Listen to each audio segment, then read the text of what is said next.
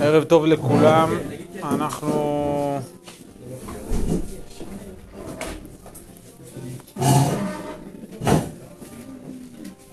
מי מנגן פה? מה?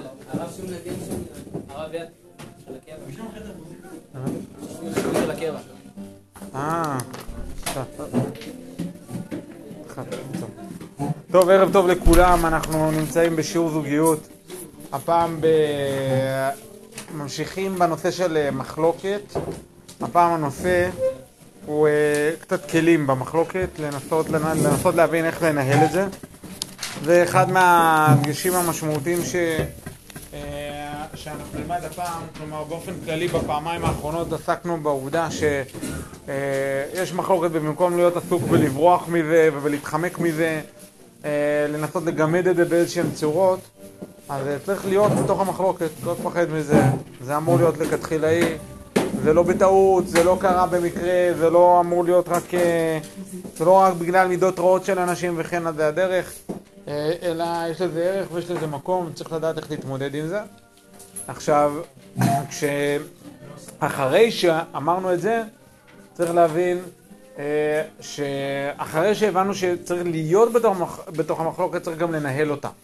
עכשיו, בשביל לנהל אותה, הכוונה זה לא להיות מבחוץ, אלא להיות מבפנים, רק עם מספיק יכולת של השכל לשלוט בתגובות שלך. כלומר, אחרי שאתה באמת נמצא וקשור ומבין, באופן טבעי יש סערת רגשות, וזה בסדר.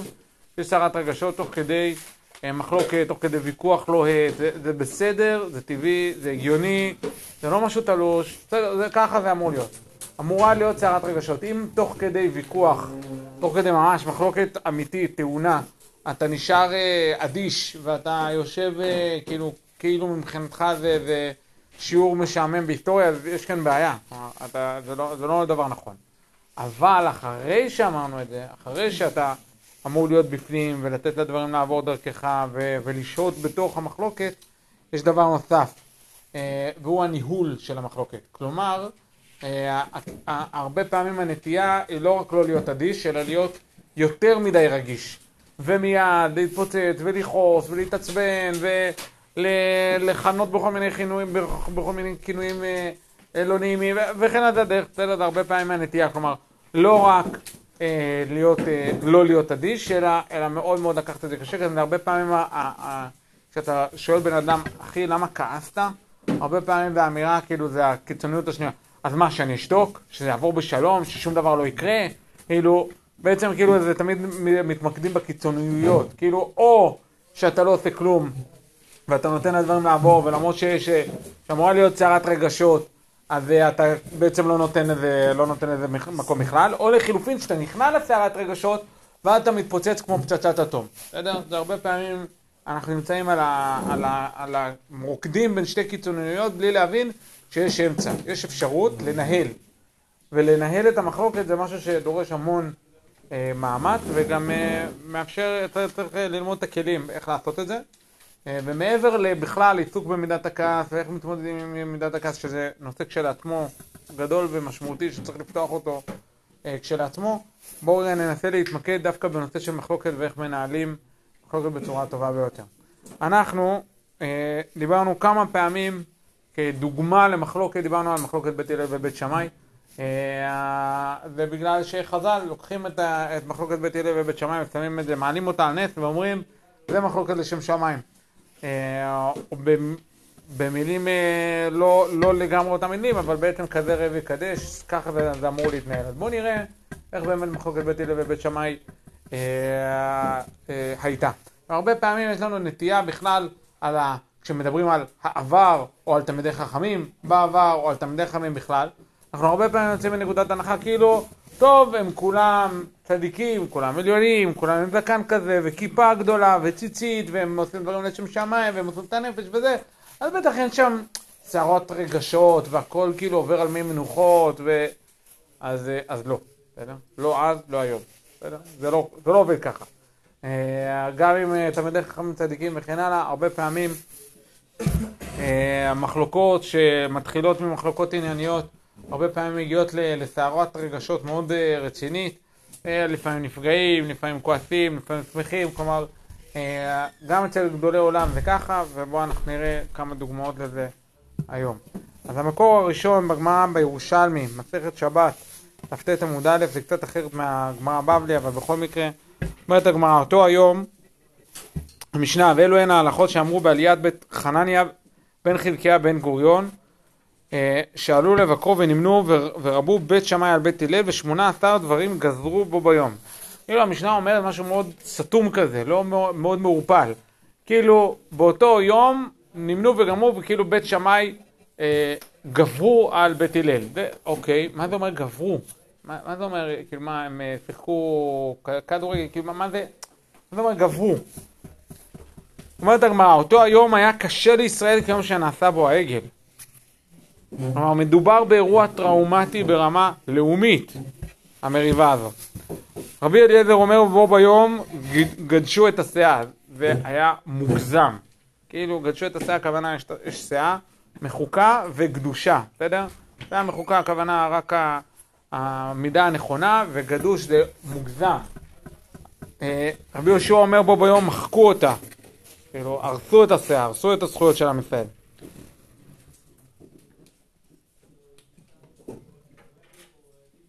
שנייה מדלג, בסדר, בערך, בערך לאמצע. תנא רבי יהושע, אוניה תלמידי בית שמאי עמדו להם מלמטה והיו הורגין בתלמידי בית הלל. תנא שישה מהן עלו והשאר עמדו עליהם בחרבות וברמחים. אתם מבינים? בית שמאי מגיעים עם נשק דרוך לתוך הדיון.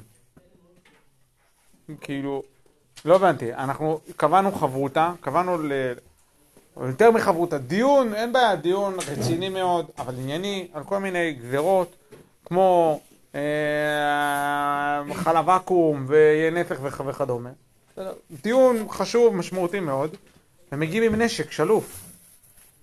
תנא 18 דבר וב-18 וב-18 רבו, כאילו הם היו יותר.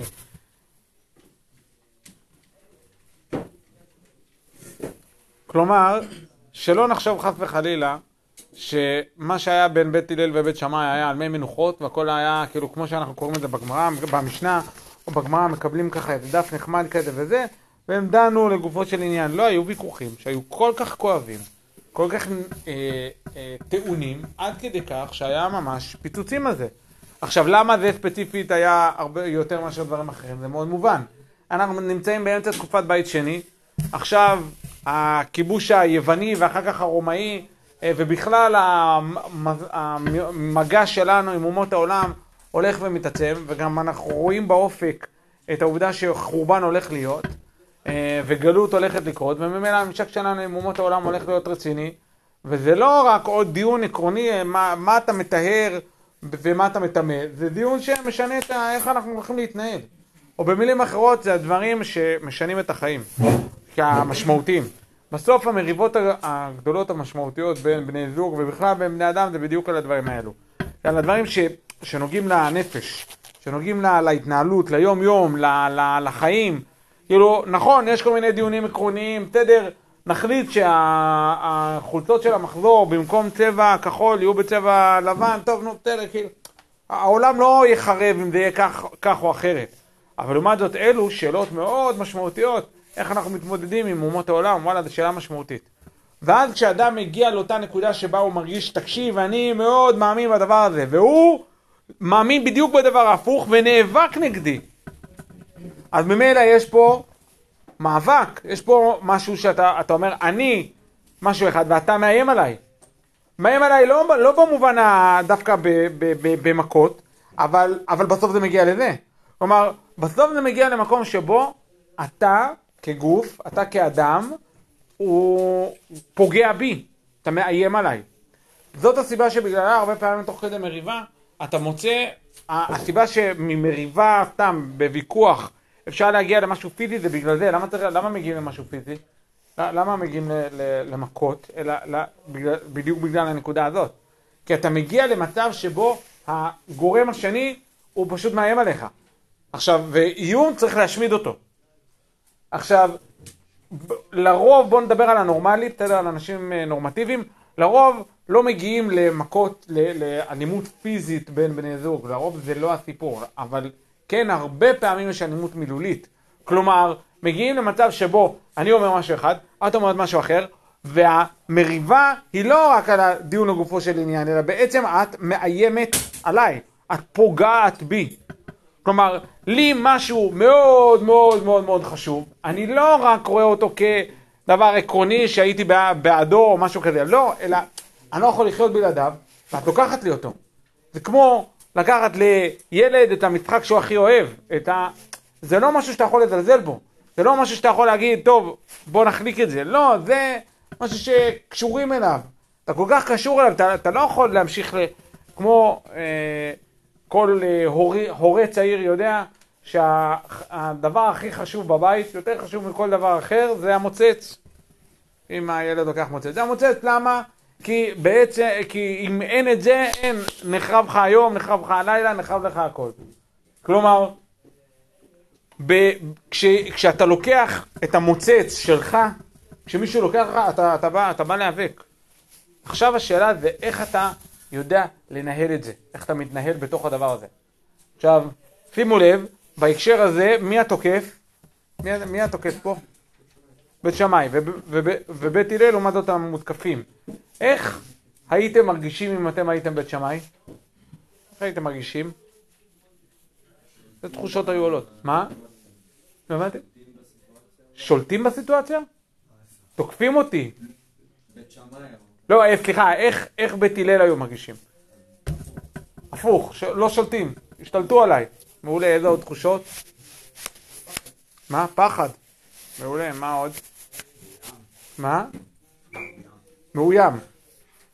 אגב, שנה או שנתיים אחרי איך מרגישים? שנה או שנתיים אחרי איך מרגישים? מה? סבבה לגמרי? הם הרגו חברים שלי. הם הרגו ממש, זה מה שהגמרא בראשם אומרת, הרגו ממש. לא רק הגיעו עם M16, הרגו. איך הגיעו לזה? שאלה טובה, אנחנו לא נפתח את זה עכשיו. אני אגיד רק עיקרון אחד, בסדר, באופן כללי. תמיד, הרבה, הרבה פעמים אנחנו מתעסקים בחטאים של uh, גדולי עולם. אז אני רק אגיד משהו אחד. יש, הם, הם שם, אנחנו פה, לא רק בשמיים. הם כאילו בגובה רוחני קילומטרים מעלינו. עכשיו זה נכון שהעליות והירידות שלהם אולי יותר משמעותיות מאשר שלנו, אבל בגלל שאנחנו נמצאים ברצפה. כמה נמלה יכולה לקפוץ, או לאיזה גובה יכולה להגיע, כמה מילימטרים. אבל מטוס טילון גם יכול להתרסק. אבל מטוס טילון הוא מדהים בעוצמות שלו. כלומר, איך, עכשיו צריך להעמיק מאוד, מה בדיוק קרה שם בין בית הלל לבית שמאי שהם היו צריכים להגיע לזה? זה לא במקרה, אני לא, לא ממש נכנסתי לזה, אבל זה לא במקרה שזה על הנושאים האלו. זה בעצם בגלל שבית שמאי יבינו, עקרונית, ויש בזה אמירה נכונה, גם אם ל, ל, נצטרך להרוג את כל בית הלל כדי להעביר את הדבר הזה, זה הצלה של עם ישראל לאורך כל הדורות. אגב, צודקים.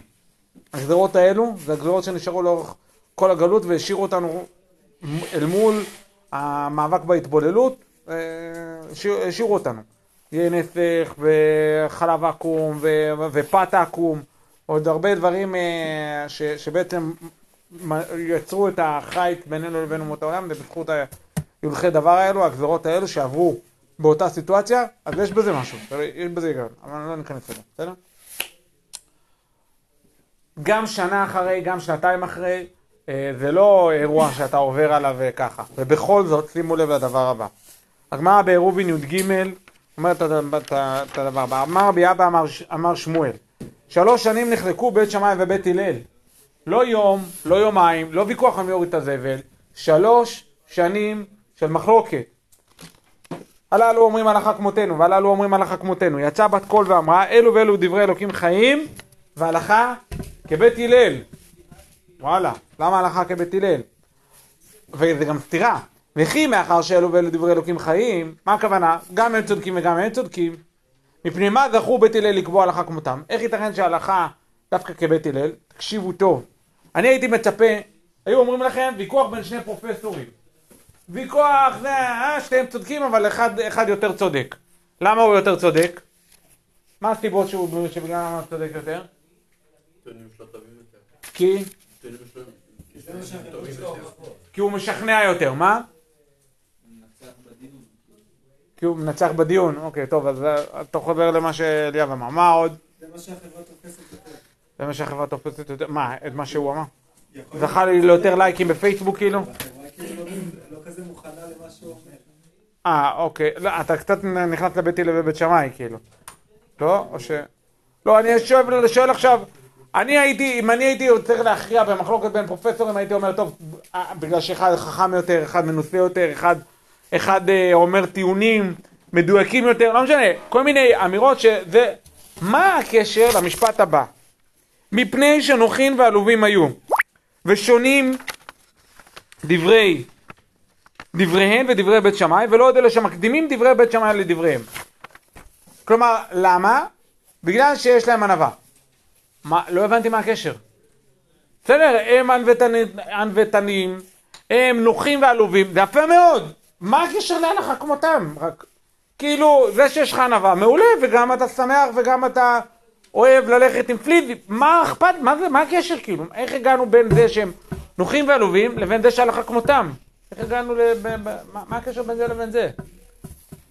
ואז כאן מגיעה נקודה מאוד מאוד משמעותית, וזה מה שאנחנו גם, אה, וזה הכלי שאותו אנחנו נרצה ללמוד. בעצם, ברגע שאדם מגיע עם ענווה, אז הוא לא עסוק בלהוכיח שהוא צודק. הוא לא עסוק בלהוכיח שהוא צודק. הוא בא פשוט להיות בתוך הוויכוח. עכשיו, יכול להיות שאני צודק והוא טועה, יכול להיות. אגב, יש לי כל מיני סיבות הגיוניות מאוד למה אני צודק והוא טועה. אבל אני לא בא להוכיח את זה, אני לא בא, בא להוכיח את זה שאני תמיד צודק. כאילו, יש תמיד איזה, הרבה פעמים כאילו נוצרות חברויות כאלו, שזה הספורט שלהם. כאילו, שני חבר'ה שככה הם נהנים לעשות, להוכיח מי, מי צדק. עכשיו, אה, לא יודע מה, הדברים הכי שטותיים שיכולים להיות, האם זה דקל אפריקאי או דקל... כל מיני, לא יודע מה, שטויות כאלו, והם אשכרה עסוקים בלהתווכח בלי סוף על כלום. בסדר? למה? מה, למה זה? למה? מה הכיף בזה? צדקתי. הוכחתי שצדקתי, הנה. אני, אני הכי חכם, אני הכי מוכשר, אני הנערפה. הם לא, הם נוחים ועלובים. ואיך אני יודע שהם נוחים ועלובים? תקשיבו טוב. בגלל, הגמרא בכוונה עושה את זה בכמה קומות. קודם כל, היו שונים דבריהם ודברי בית שמאי. כלומר, מגיע ויכוח, עכשיו שימו לב, שלוש שנים הם מתווכחים, אה, פעם אחת באיזשהו שלב אפילו בית שמאי הרגו אותה, בסדר? כאילו, זה הסיטואציה. כשהם מתווכחים עכשיו על נטילת ידיים, עכשיו מגיע בית, מישהו מבית הלל ואומר, טוב, אני אומר ככה, ובית שמאי אומרים אחרת. עכשיו, ולא רק אומרים אחרת, הם אומרים, זה ההיגיון שלהם, זה למה הם טוענים את זה, אני חושב שזה לא נכון בגלל כך וכך. ולא עוד, בנוסף לעובדה שהם היו בכלל רואים את בית שמאי ואומרים את הטענה שלהם, אז הם גם היו אומרים דבר נוסף, ולא עוד שמקדימים דברי בית שמאי לדבריהם, הבנתם? מגיע, מגיע מישהו לבית הלל ואומר להם, תגידו לי, מה ההלכה במצב כזה וכזה? אז הוא אומר לו, תשמע, בית שמאי אומרים א', ב' וג', ולמה הם אומרים את זה? בגלל טיעונים ד', ה' וו', ו... אבל אני חושב אחרת. אני אומר אחרת. ומה שהם אמרו על ד', ה' וו', אני חושב שזה לא נכון. אבל הם עשו שלב ראשון, שבו הם בכלל אמרו את הדעה השנייה. מה זה עושה כשאתה בוויכוח ומישהו אחר אומר את דעתך? המישהו שאתה מתווכח איתו אומר את דעתך. מה? הרגשה טובה, למה הרגשה טובה? כי למרות שמתווכחים, הוא כן מבין את מה שאתה אומר, הוא מתייחס ל... אבל הוא אומר שאתה בוגד.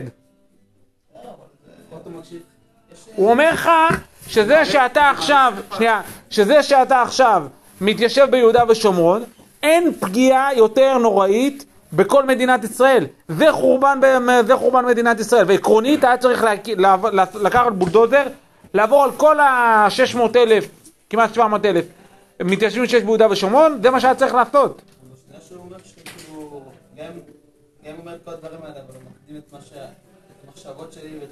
שלי כן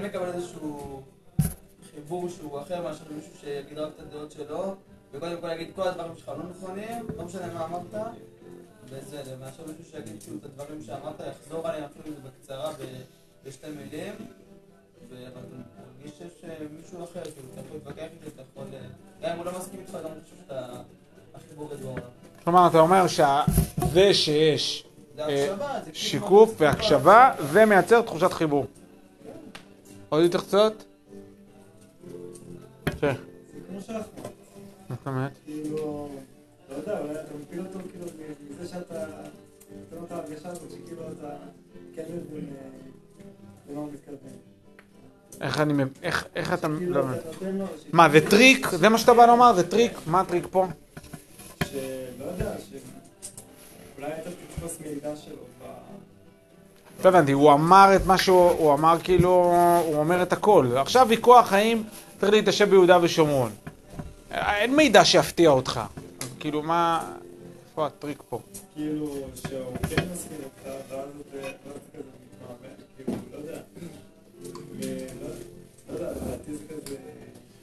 אולי יש בזה משהו... אולי אפשר לעשות את זה כטריק או כלי לשכנוע. אני חושב שיש פה גם משהו אמיתי. יש עוד התייחסויות רק? כן. הוא מראה לך שהוא הוא מבין את העקרונות שעליהם אתה ביססת את הטיעון שלך. אז אחרי זה הוויכוח הוא כבר לא יהיה על הדברים הבסיסיים, כי שניכם כבר מבינים את הדברים הבסיסיים של כל אחד, לא צריכים עוד פעם להתחיל. לא, אבל זה יישוב הארץ, זה לא יישוב הארץ, נגיד במה שאתה הבנת, אלא יותר על כבר הדברים שממש עומדים מאחורי זה, ועל... אתה אומר, זה מעשיר את הדיון כי זה מייצר מצב שבו אה, במקום להתעסק על הדברים הטכניים, זה מתעסק בדברים העמוקים יותר, זה מה שאתה אומר. אני אגיד לכם מה קורה.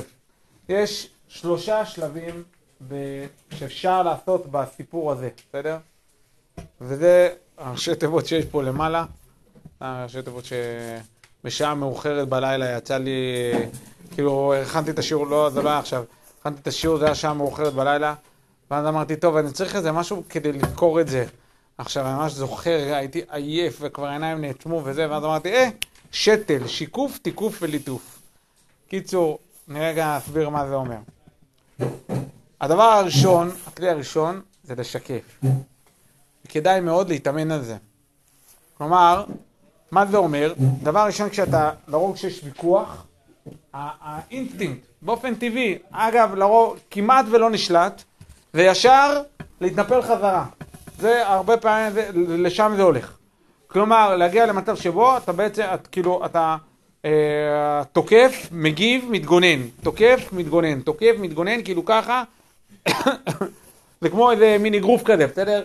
כאילו, יד אחת הולכת קדימה לתקוף, ויד אחת מגינה, ואז כאילו בעצם איזה מין, אה, איזה מין אה, התחלפות כזאת. זה, זה לרוב מה שקורה. כשאתה משקף, אתה מוריד את זה. אתה בכלל לא עסוק עכשיו בלהגן מי צודק ומי לא. בוא תן לי להבין מה אתה אומר. תן לי להבין מה אתה אומר. ואני, כאילו במובן מסוים אולי אני אסכים, אני כן אגיד משהו אחד, פעם אחת יצא לי להתווכח עם מישהו שחושב מאוד מאוד אחרת ממני בהקשרים מסוימים, ו, אה, ועשיתי את זה, סתם שיקפתי לו מה הוא אמר. אמרתי לו, באמת בנקודה הזאת אני מאוד מסכים איתך, רק זה טעות בגלל א', ב' וג'. ואז הוא אומר כזה, אני זוכר את ה... הסתכל לי, לא הבנתי, אתה מסכים איתי? אמרתי לו, מסכים איתך בנקודה המסוימת הזאת. לא מסכים איתך בעיקרון, לא מסכים איתך, אבל את הנקודה המסוימת הזאת, וואלה, אני מקבל. הוא היה בהלם. עכשיו למה? כי זה בעצם, את מה שאתה מצפה שהולך להיות, שאני הולך להגיד משהו אחד, ואז אתה תגיד שאני בוגד, ואז הוא יגיד שאתה זה, אה, ככה, זה מין, זה מין סחרור כזה, שבעצם אה, מאבק רק בלי, בלי ידיים, אז אתה מוריד את זה. עכשיו, לא רק אתה מוריד את זה, אתה גם, זה חלק ממה שאמרו פה, אתה בעצם נותן לבן אדם שמולך מקום. יש לו מקום, אתה לא מוחק אותו. אתה לא עסוק בלמחוק אותו, אתה באמת מקשיב לו. עכשיו, אגב, באמת יש חלק מהדברים שיכול להיות שהם באמת מאוד נכונים. ובזה שאתה משקף, אתה עושה שני דברים. א', אתה מייצר מצב שגם אתה באמת קשוב אליו. נכון? דיברנו על להיות בתוך המחלוקת. עכשיו, כשה, כשמישהו מתעצבן עליך, קשה להיות שם. עכשיו, כשאתה משקף את זה, אתה פתאום שומע במילים שלך את מה שהוא אמר. וזה גורם לך לחשוב, וואלה, אולי יש בזה משהו. אולי אין בזה משהו. אבל זה פתאום הופך את זה ממקום מאוד אמוציונלי ורגשי ומקום מיושב, מקום הגיוני. עכשיו, אתה עושה את השיקוף, כשאתה עושה את השיקוף זה לא רק, זה גם כלפיך, מיישב אותך, אבל גם כלפיו, או כלפיה בהקשר שלנו, שהיא פתאום יש לה מקום. היא אמנם אמרה משהו מעצבן, ועשתה דברים שהם לא לעניין, או האשימה אותך בכל מיני האשמות לא רלוונטיות, לא משנה כרגע מה, מה בדיוק קרה. אבל אתה אומר לה, את אמרת שאני אה, בעל לא מספיק רציני, בגלל, או לא מספיק טוב, למה? בגלל שאיחרתי היום מהעבודה.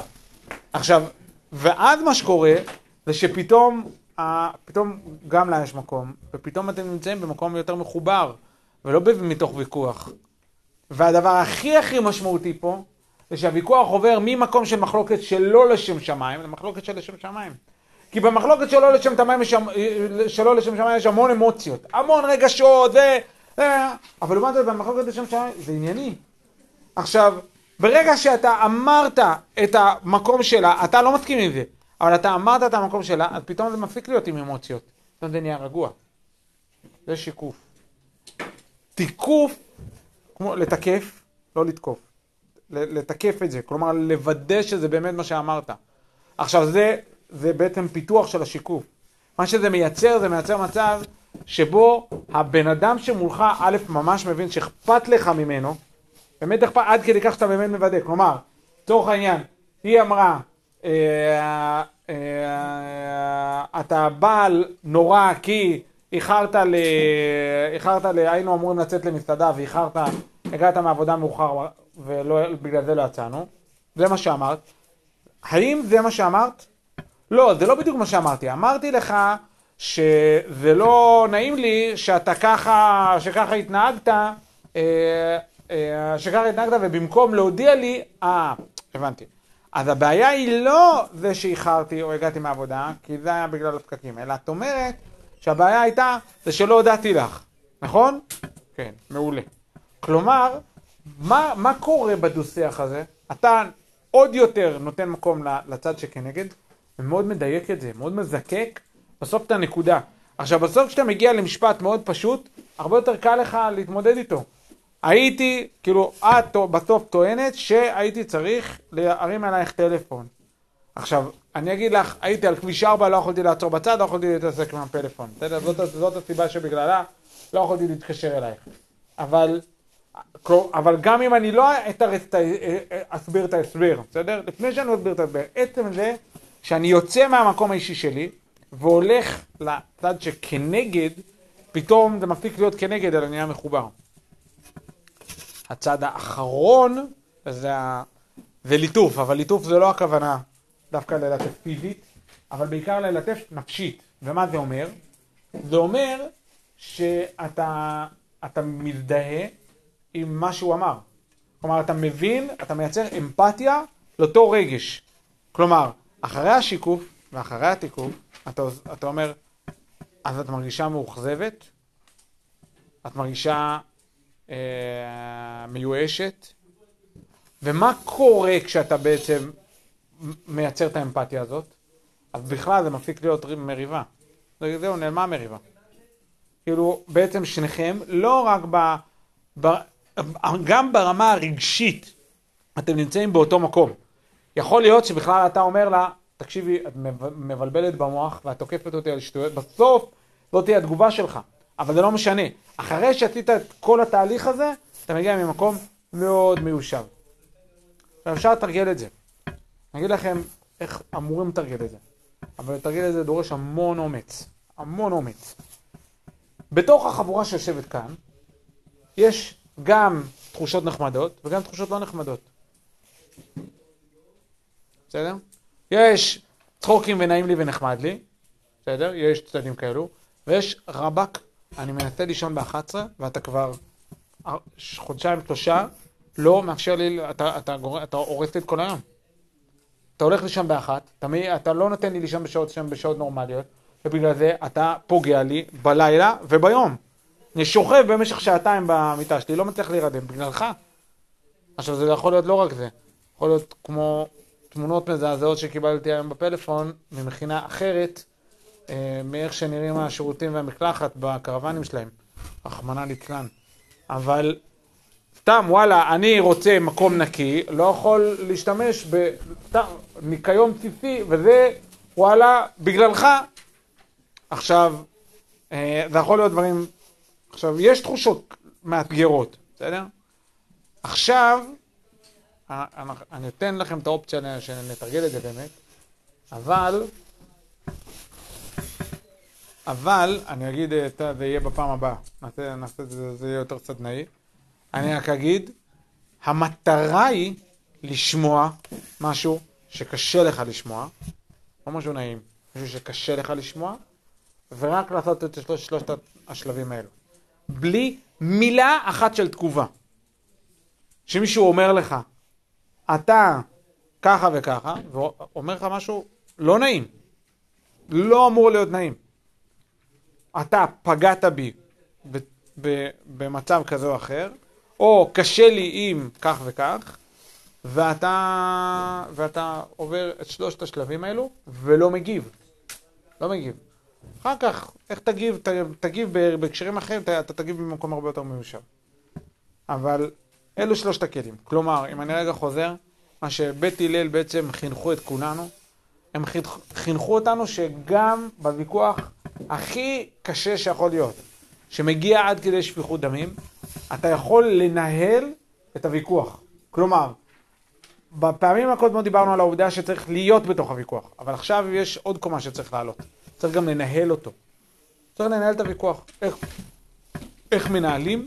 יוצאים מהמקום האישי שלי ושומעים שומעים ומשמיעים את הצד השני. מקשיבים באמת במה שזה אמור להיות, ב, ב, במה שהוא אמר ואיך שהוא אמר.